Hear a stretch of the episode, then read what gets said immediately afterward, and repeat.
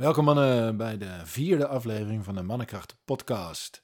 Mijn naam is Jeroen Biegstraat en het is mijn missie om een vrolijke, veilige en avontuurlijke wereld te creëren. Door je uit te nodigen, door je te prikkelen en door je te inspireren, zodat jij je leven voluit kunt leven.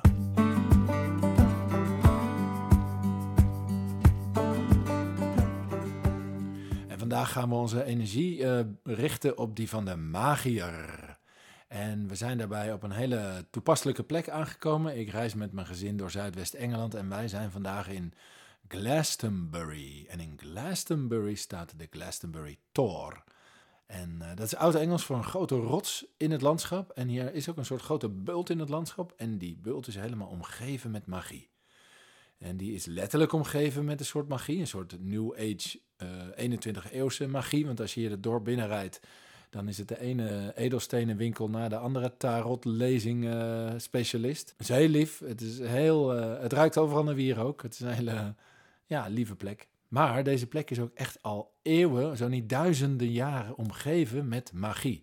Uh, in de vroege bronstijd werd hier al gewoond en werd deze plek al gebruikt om rituelen uit te voeren, om elkaar te ontmoeten.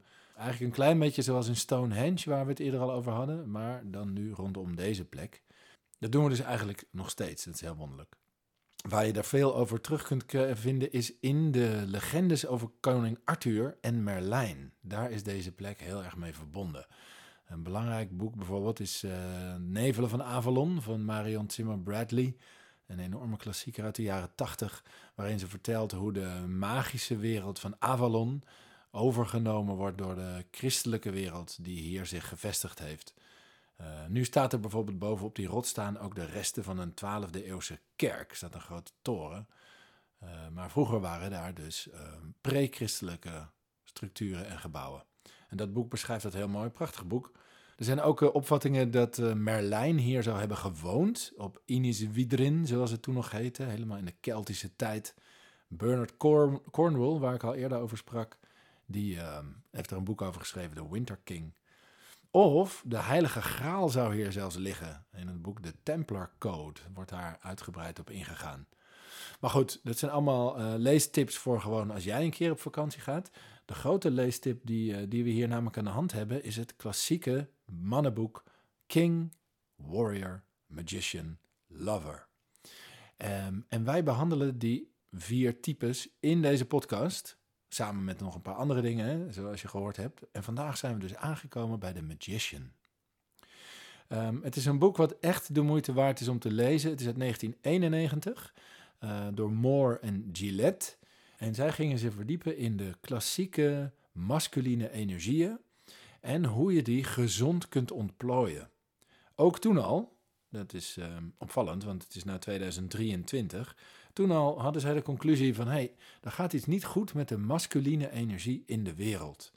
En uh, wat is daar nou de antwoord op? En zij zijn gaan duiken in literatuur, wetenschap. Het heeft ook iets Jungiaans, archetypes. En hebben daar een prachtig boek over geschreven, wat ik je heel erg kan aanraden. En uh, wij behandelen zo die vier types hier ook op onze eigen manier. En die vier energieën, die wil je eigenlijk alle vier tot je beschikking. En uh, één was de energie van de koning, die ik helemaal in het begin heb genoemd. En de andere gaan we ook nog behandelen. Nou, vandaag dus de energie van de magier, de magician. En uh, traditioneel gezien staat die energie, die staat voor de mogelijkheid van initiatie en transformatie. Dat hebben die mannen in dat boek goed gezien. Er is iets van een jonge, jeugdige, ongerichte energie uh, te transformeren naar gerichte, gefocuste, verantwoordelijke energie. Misschien kan je dat nog wel uh, voelen, dat toen je zo richting de puberteit ging, maar ook daarvoor, dat er gewoon heel veel energie in je lichaam was en dat die gewoon alle kanten op spatte.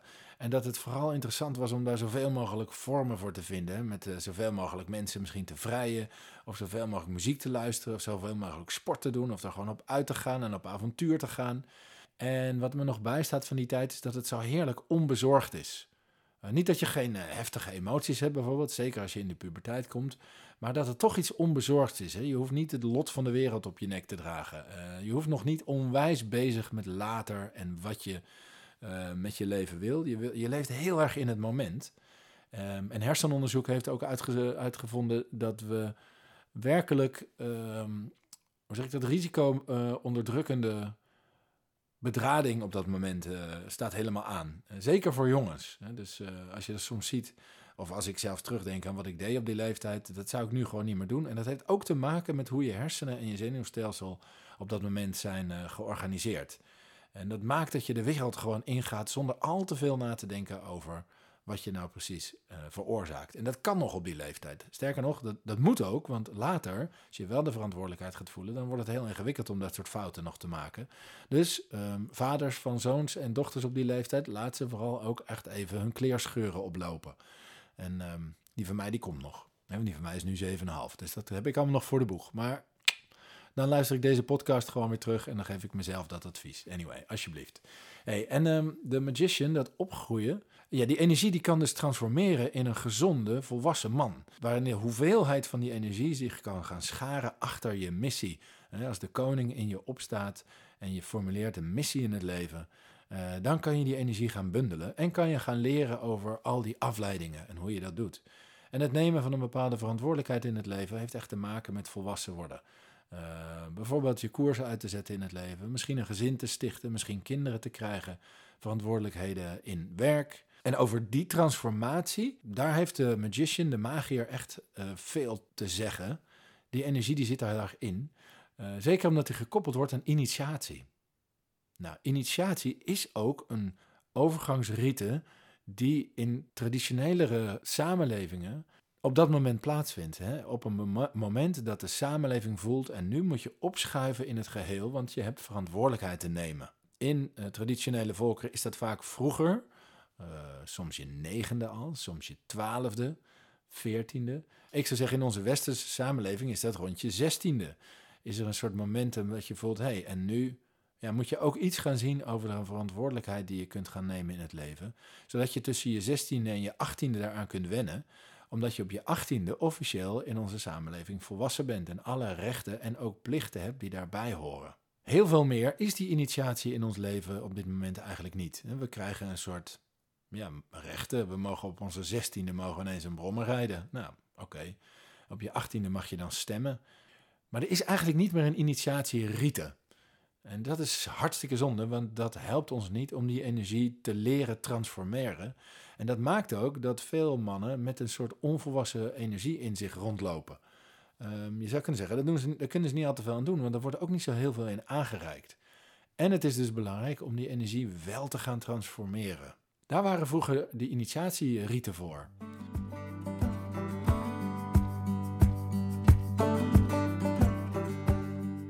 Nou, die initiatie die had vaak een aantal vaste fases en je zou er zes kunnen herleiden.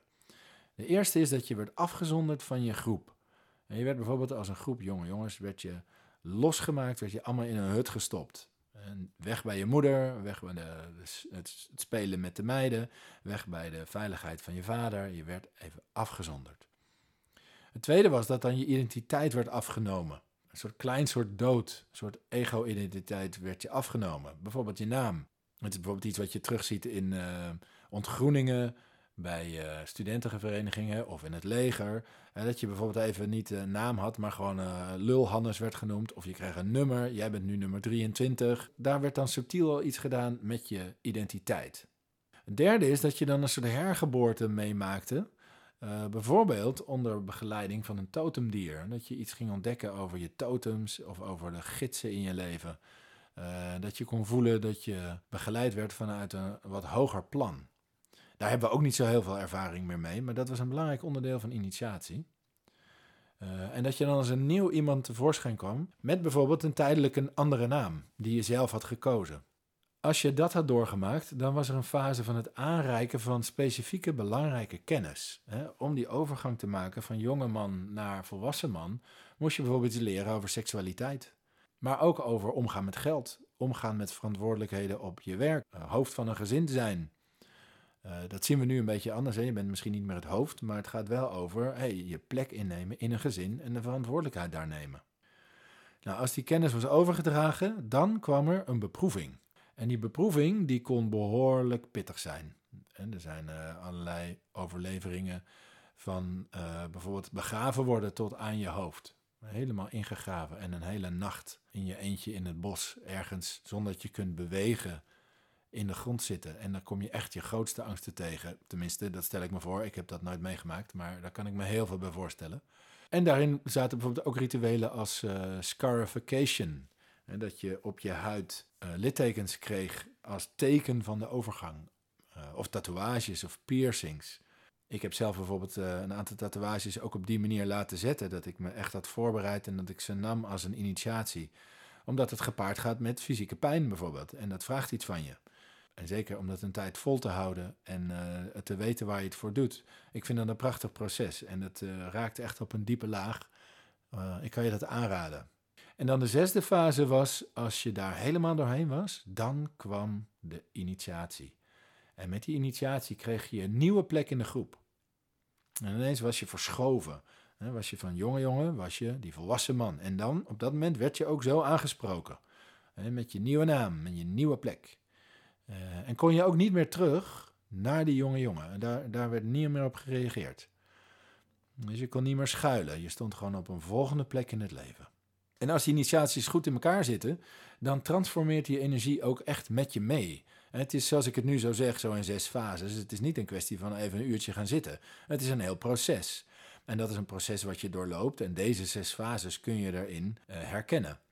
Maar dat betekent dat je de energie er, uh, uit jezelf transformeert. Zodat je aan het eind van zo'n initiatiefase ook echt een andere energie in je bent gaan voelen. Ja, dat is nog wel even wat anders dan dat je mag uh, brommen rijden. dat is nog wel wat anders dan dat je ineens mag stemmen. En dat is echt jammer. Want wat ik zeg, door het ontbreken van die initiatie blijven we onbewust hangen in veel jonge energie. En we hebben gezonde, volwassen mannen nodig. Er is niks mis met jonge jongens, alleen wel op die leeftijd. En ik denk dat veel wat we in de wereld zien van wat er niet goed gaat, ook te maken heeft daarmee. Is dat we net niet genoeg volwassen mannen hebben die hun verantwoordelijkheid kunnen nemen. En dus ik ben heel erg fan van transformatie en initiatie. Op die manier volwassen worden. En geen moreel standpunt. Dat, zo vind ik het woord wel vaak gebruikt. Je moet volwassen doen. En dat houdt heel vaak in dat je je emoties moet onderdrukken en uh, dat je moet doen wat de bedoeling is. Nou, dat bedoel ik helemaal niet. Ik bedoel juist dat je gezond leert omgaan met je emoties. Dat je je schaduwkanten kent en erkent en daar gezond mee omgaat. Uh, en dat je je plek inneemt in de broederschap. In de groep mannen om je heen en van daaruit in de maatschappij. Dat je je laat omringen door mannen, omdat je weet dat je het niet alleen kunt. Waar we het de vorige keer over hadden. En dat je je laat inspireren door andere mannen, omdat je weet dat er veel te halen is bij andere mannen.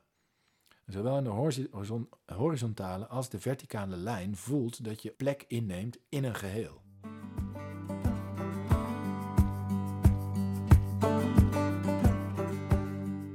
En dat is waar de magier uh, voor je werkt. Het is natuurlijk heel magisch dat je energie kan transformeren. Uh, misschien luister je hier wel naar en dan denk je, hè, waar gaat het nou toch eigenlijk over? Maar een klein voorbeeld is bijvoorbeeld, um, ik heb heel lang een taekwondo training gegeven en dat was altijd s'avonds. En dan heel vaak, dan had ik uh, mensen aan het begin van de training en die zeiden allemaal, oh, ik heb helemaal geen zin hoor, een beetje rustig aan doen vanavond.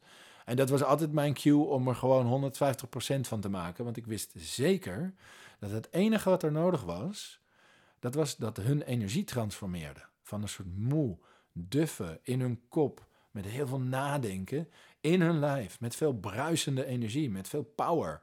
En dat wist ik omdat ik dat zelf had meegemaakt toen ik trainde. Dan kwam ik van school of, uh, en dan was ik gewoon helemaal gaar. Maar mijn leraar die gaf gewoon gast. En dan elke keer na die training dacht ik, hé, waar deed ik nou zo moeilijk over? Ik voel me heerlijk.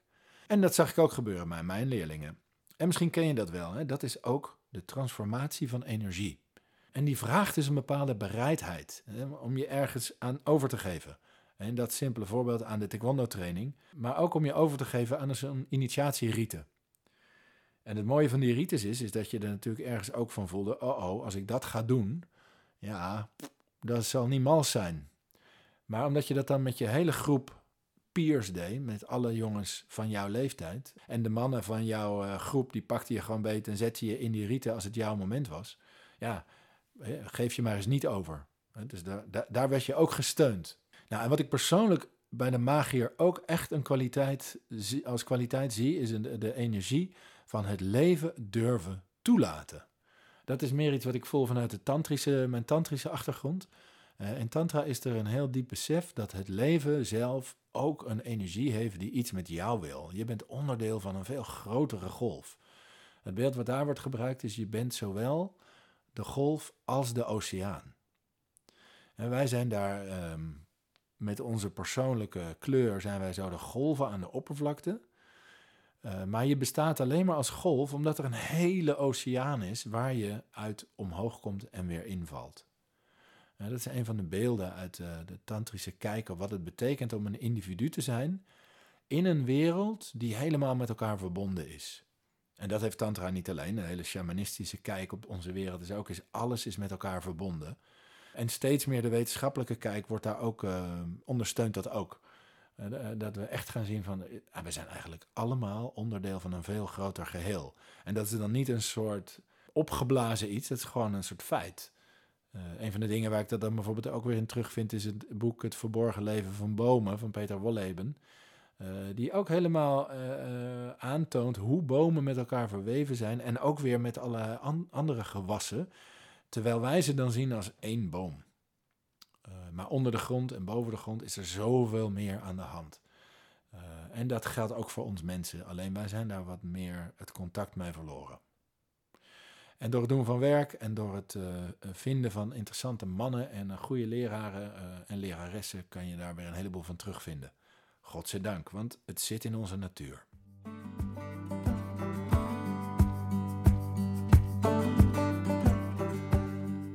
Magier die ondersteunt je om het leven echt toe te laten. Um, en een van de mooie voorbeelden uit mijn eigen leven is de komst van mijn zoon. Toen wij nog geen ouders waren, toen uh, waren Marije en ik op een hele andere plek daarmee. Ik voelde dat ik dat heel graag zou willen. En Marije voelde daar eigenlijk heel weinig zin in die voelde überhaupt niet een soort moederdrive van ik moet kinderen worden. Wat sommige vrouwen, uh, kinderen worden, ik moet moeder worden. Wat sommige vrouwen al van jongs af aan hebben. En dat had zij niet.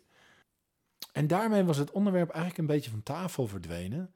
Totdat ik in een retraite uh, daar contact mee maakte uh, en voelde: nee, wacht even, ik moet dat nog één keer echt heel helder met haar bespreken. Dus ik heb mijn hart op tafel gelegd. Ik heb echt gezegd: lieverd, ik, ik hou nog iets weg van ons. En dat is een hele diepe wens om vader te worden. Um, en nu vertel ik het gewoon even feitelijk, maar dat was een hele ontroerende beweging voor me om te maken. Om mezelf gewoon zo trouw te zijn. En ook al had ik ergens in mezelf opgeslagen dat zij dat echt niet wilde, dacht ik, ja, maar ik kan, daar, ik kan me daar nog niet bij neerleggen. Dat is echt niet mijn beslissing. Dus daar moeten we het nog een keer over hebben. En toen ontstond er een tijd waarin we er veel contact over hadden. We gingen ook op reis, op, uh, op huwelijksreis. En daarin hebben we er ook over gesproken. Maar de grootste doorbraak kwam toen we samen met uh, twee vrienden een jong tantra retraite gaven. En er was een moment in dat we een gesprek kregen met die vrienden over ouder zijn en kinderen krijgen. En zij hebben twee dochters. Ieder legde daar helemaal zijn ziel en zaligheid op tafel. Zij iets over hun geschiedenis. En wij opnieuw, waar wij mee uh, speelden. Worstelden ook trouwens. En omdat we daar op zo'n mooie magische plek waren ook, want dat is ook een plek van transformatie van energie, zijn tantra-retraite, ja, zinderde er iets mee. Dat kon ik ook echt voelen. En vanaf dat moment voelde ik in mijn eigen hart een soort verzachting van, hmm, ja, uh, ik denk dat ik de magische, de energie van de magier voelde. Want ik, ik voelde zoiets van, hey, ja, misschien wil ik dat wel, maar ja, misschien wil het leven iets anders met me. En als ik met Marije wil zijn, dan heb ik misschien hier uh, een offer te plegen. Dat was niet mijn eindconclusie, maar dat, daar kwam wel ruimte in mijn systeem om op, die, om, om op die manier naar te gaan kijken. En bij Marije gebeurde eigenlijk het tegenovergestelde. Van, hmm, ja, ja, ik voel me niet enorm geroepen om moeder te worden, maar ja, als ik met Jeroen wil zijn en we hebben dit soort gesprekken, ja, misschien dan toch. En dus er opende gewoon aan, aan ons beide kanten, opende er heel veel. En ik ben ervan overtuigd dat de ziel van Koan op dat moment voelde: ha, nou kan ik. En dat hij toen bij ons naar binnen kwam. Want uh, ja, wij vreden een beetje losjes, zou je kunnen zeggen. Dus het kon. En Koan die kwam gewoon, maar we vreden al een tijdje zo en er gebeurde nooit iets. En uh, ineens was Koan daar. En dat heeft voor mij altijd gevoeld als de energie van de magier. Echt magische energie. Wij transformeerden de energie in ons en tussen ons en daar opende iets waar zijn energie heel graag bij wilde komen. Ehm, dus het leven wil ook iets. Nou, dat is best wel een eh, spannend onderwerp, want het betekent niet dat je gewoon maar op de bank moet gaan zitten en gaan wachten tot de magier wel eens even iets moois voor jou tevoorschijn gaat toveren. Het idee dat als jij nou maar een uh, lot uit de loterij koopt, dat die vanzelf een keer op, jouw, op, op jouw adres valt. It ain't true, maar dat is het niet. Het vraagt altijd inzet. En de magier komt ook echt als onderdeel van jou. Het is niet iets buiten je. Het is als jij je gaat verhouden tot, hey, wat wil ik nou transformeren in mijn leven? Waar wil ik meer mijn energie eigenlijk ruimer, rijker, voller, volwassener?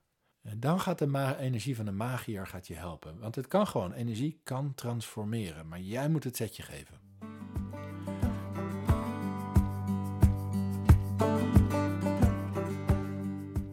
Nou, als je daarmee wil oefenen, kun je een hele kleine, leuke dagelijkse oefening doen. Je kunt bijvoorbeeld uh, van de week eens een keer een uur vrij nemen.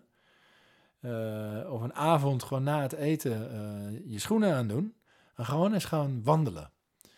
En dat wandelen helemaal zonder enige invulling doen. Gewoon je voeten de weg laten wijzen. Om je heen kijken.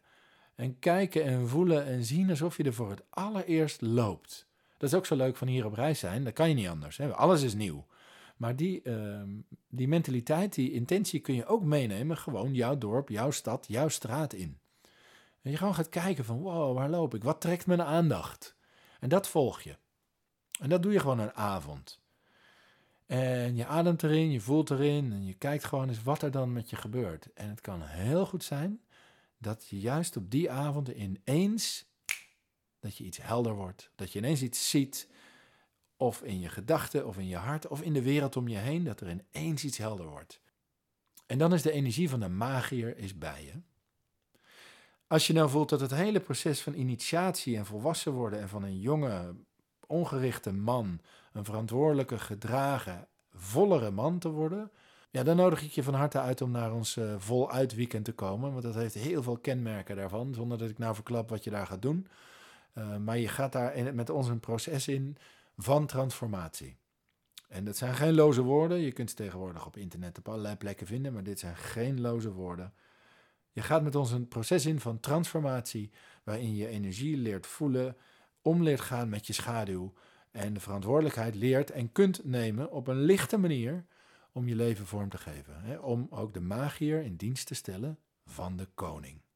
Jij bent de koning van je leven, jouw missie en alle energieën die daarbij helpen, die stel je in dienst van die missie.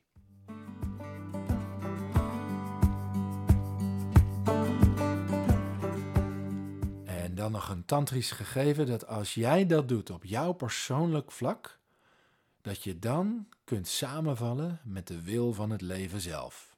En dat klinkt nu misschien een beetje vaag en zweverig, maar misschien ken je dat wel, dat je een, uh, een intuïtie hebt om iemand te bellen. En dan ineens dan heb je die ander aan de lijn en die zegt van, dat is ook grappig, ik zat net aan jou te denken. Of de intuïtie om ergens heen te rijden en uh, even ergens langs te gaan. En je doet de deur open en zegt, jou moest ik net hebben. Al die momenten dat je voelt van, nou zeg, wat is dit voor interessants. En ook op je werk en ook in je relatie. Dat is eigenlijk het moment dat je samenvalt. Dat jouw persoonlijke beweging samenvalt met iets groters. En dat kun je echt voelen. En daar, mensen, woont Merlijn. Die woont niet alleen op de Glastonbury Tour, als hij dat al heeft gedaan, maar die woont in jou. Die woont in jou. En die kan jou bezoeken. En je kunt zijn wijsheid meenemen in jouw dagelijks leven. En door je in te zetten voor volwassen worden, voor gezond worden, voor je verantwoordelijkheid nemen als man. En dat kan licht. Dat hoeft niet een moeilijk, zwaar ding te zijn. Gewoon licht, maar wel echt vol in je leven te stappen.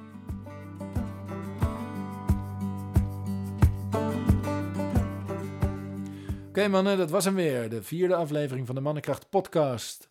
Ehm, ik hoor graag van je wat het voor je doet op jeroen.mannenkracht.nl. Volg ons op onze socials, mannenkracht. Of kijk natuurlijk naar dat prachtige weekend, www.mannenkracht.nl slash voluit. Je bent van harte welkom. En dan zie ik je in de volgende aflevering en daar pakken we weer een pracht van een energie die je ook echt tot je beschikking wil hebben. We reizen nog verder in het land van koning Arthur en we gaan naar het kasteel waar hij geboren is. Tintagel. Oké mannen, tot de volgende. Aho!